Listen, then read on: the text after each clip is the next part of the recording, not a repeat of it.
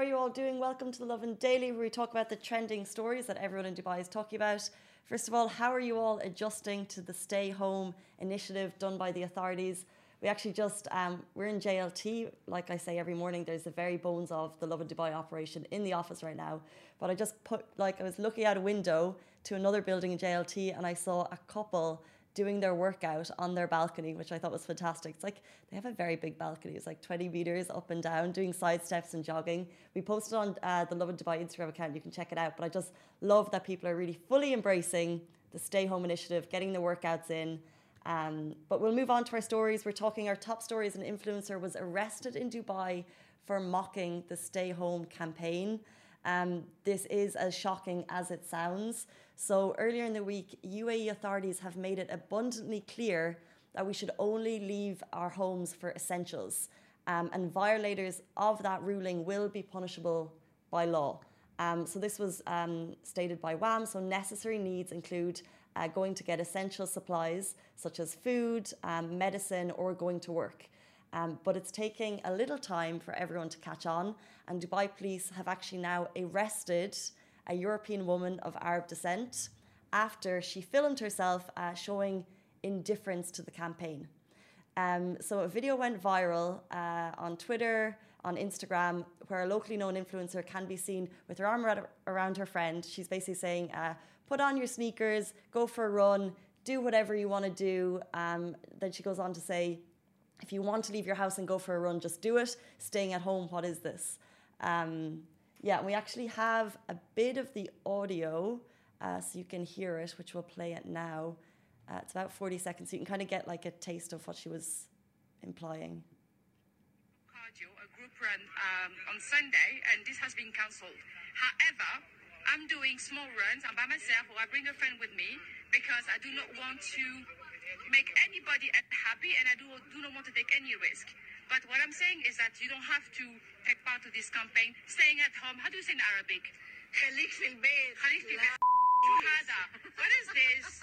Put on your sneakers, go for a run, go and do whatever you want to do and uh, so that was the audio of what she was saying, and it's just like I said, the UAE authorities did make it clear, and they also added in their reports that uh, there is a law in the UAE on communicable diseases, and there are fines and jail time and they will be enforced against violators. And what we've seen here is someone being indifferent to it. Um, alan did you see the story? I think it got shared pretty widely last night. Had you read it? Yeah uh, it really truly bothered me because it's just bad how a lot of these people have a huge following mm-hmm. what they're preaching isn't you know it's, it's something totally against what like this country or any other country during this really hard time what this country's trying to do hundred percent. Um, I mean, it's I don't know.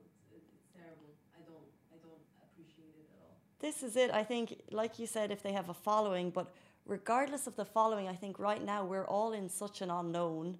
Um, we've never lived this in our lifetime, and hopefully we never again will. And what's happening right now, we just must obey what's happening by the authorities. Like they have put in, like no one wanted to close the airports, no one wanted to close schools people actually want to be at work. We've learned from this. Like people actually want to be at work, um, but no one wants to be working from home.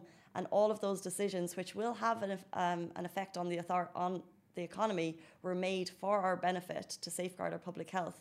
So I think people who are going against that, even if she meant it in a in a kind of exercise stay positive way, I think what we have to do is just take the information we have from the authorities, which is a lot by the way, and just kind of run with that for now. I think it just showed a little bit of it showed disrespect. Mm. And lack of knowledge. And lack of knowledge. Yeah. yeah. So those are that is our top story for today. Let us know what you guys think, especially because what um what I'm seeing uh, from so many of you, from our readers and our audience, and what people are sharing, sharing with us is that people are really taking this work work from home, stay home initiative um, to heart. Like we saw those people working uh, on the balcony, working out on the balcony this morning, but also uh, people are sharing photos with us of people that they're seeing outside, and they just want us to reshare, being like, guys, stay home if you can. So um, as we said, necessaries include going to get your groceries, going to the pharmacy, and going to work. That's it. Um, but we'll move on to our next story. So, the UAE has launched a COVID 19 tracker and it's very useful if you have any uh, questions related to the virus. So, yesterday, um, the UAE confirmed actually a jump of 50 cases, which takes the total to 248. And if you're seeing lots of news about the number of cases and active cases and recovery cases, uh, this is kind of going to help you out a little bit. So, the UAE Supreme Council of National Security has created a tracker uh, where you can keep up to date with numbers, but it's also very useful if you have any questions about how you can maybe prevent the virus. Um, so right now, uh, the numbers in the UAE stand at 248 confirmed cases with 45 recoveries and two deaths. Um, so you can kind of get that, and we'll leave uh, the link to it in the comments after the live. But there's also a tab there where you can learn more about the virus. This section features kind of information about COVID 19, prevention tips, self quarantine guidelines, and it's also available in multiple languages, uh, which I think is seriously useful uh, for all of us at this time. You can find it right now at covid19.ncema.gov. Uh, but like I said, we'll leave uh, the information in the um, comments after we finish the live.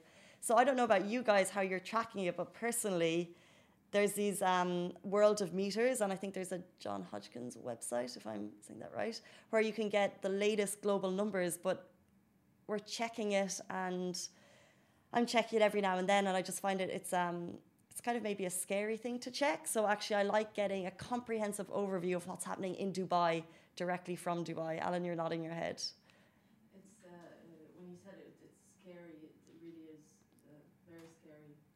It shows you every single thing that's happening in the world, from births to deaths to um, deaths caused by such like cancer or smoking and all of that. So Yeah, exactly. it's, uh, it's quite scary. And also, it just gives you a comprehensive overview of the coronavirus figures worldwide for all of the countries. But I'm talking about right here in the UAE. If you want to get um, tips, uh, how to self quarantine, if you have questions about that, made by the authorities. Um, and it's very, very helpful. And like I said, we'll drop the link in the live after. Moving on to our final story, we're talking about a Dubai restaurant is giving free food to all healthcare workers. I think this is a fantastic initiative. Um, so this is let's shout out to Bajan's Biryani, which is in Al Rigga, and I just think this is amazing because the restaurant industry itself, as we know, restaurants are shut. and they can only do uh, order online or maybe pick up only. So and they've known for maybe a few weeks that this will have an effect on the restaurant industry. However, for this restaurant to go and say that they will give free food to all the healthcare workers who themselves are putting themselves on the front line is a fantastic initiative. Um, so shout out to Bajan's Biryani. And we yesterday we talked about what Huda Beauty was doing. She's giving hundred thousand dollars to um, hundred thousand dollars to hundred makeup artists who may be struggling. And this restaurant is doing what they can from their community. And I think what we're seeing at the moment is so many good stories from people helping people, which I think is really nice. And if you have any more of those stories, definitely share with us. Um, in the comments or on DMs. We love to uh, support community who are uh, helping community, especially at this time at Lovin Dubai. So please let us know. Um, also, let us know how you're adjusting to working from home. Uh, how have you maybe changed your lifestyle any bit? Are you enjoying it? Are you finding it hard to motivate yourself? Are you finding it even better? Are you going to send a letter to your boss recommending that you should work home from now on? Uh, those are our top stories, guys. We'll be back with you in the morning, uh, same time, same place, and let us know if you have any thoughts. We love to read them in the comments below after the live. Stay safe, guys, and wash your hands. Bye. That is a wrap for the Lovin Dubai Daily Live. Remember, we are back with you same time, same place every morning. Do not forget, we also have Dubai Works Business Podcast where Rich sits down with the business people of Dubai so you can get more information about that. And of course, the Lovin Weekly Show where Shireen and I chat to influencers and get to know a little bit more about them. Bye.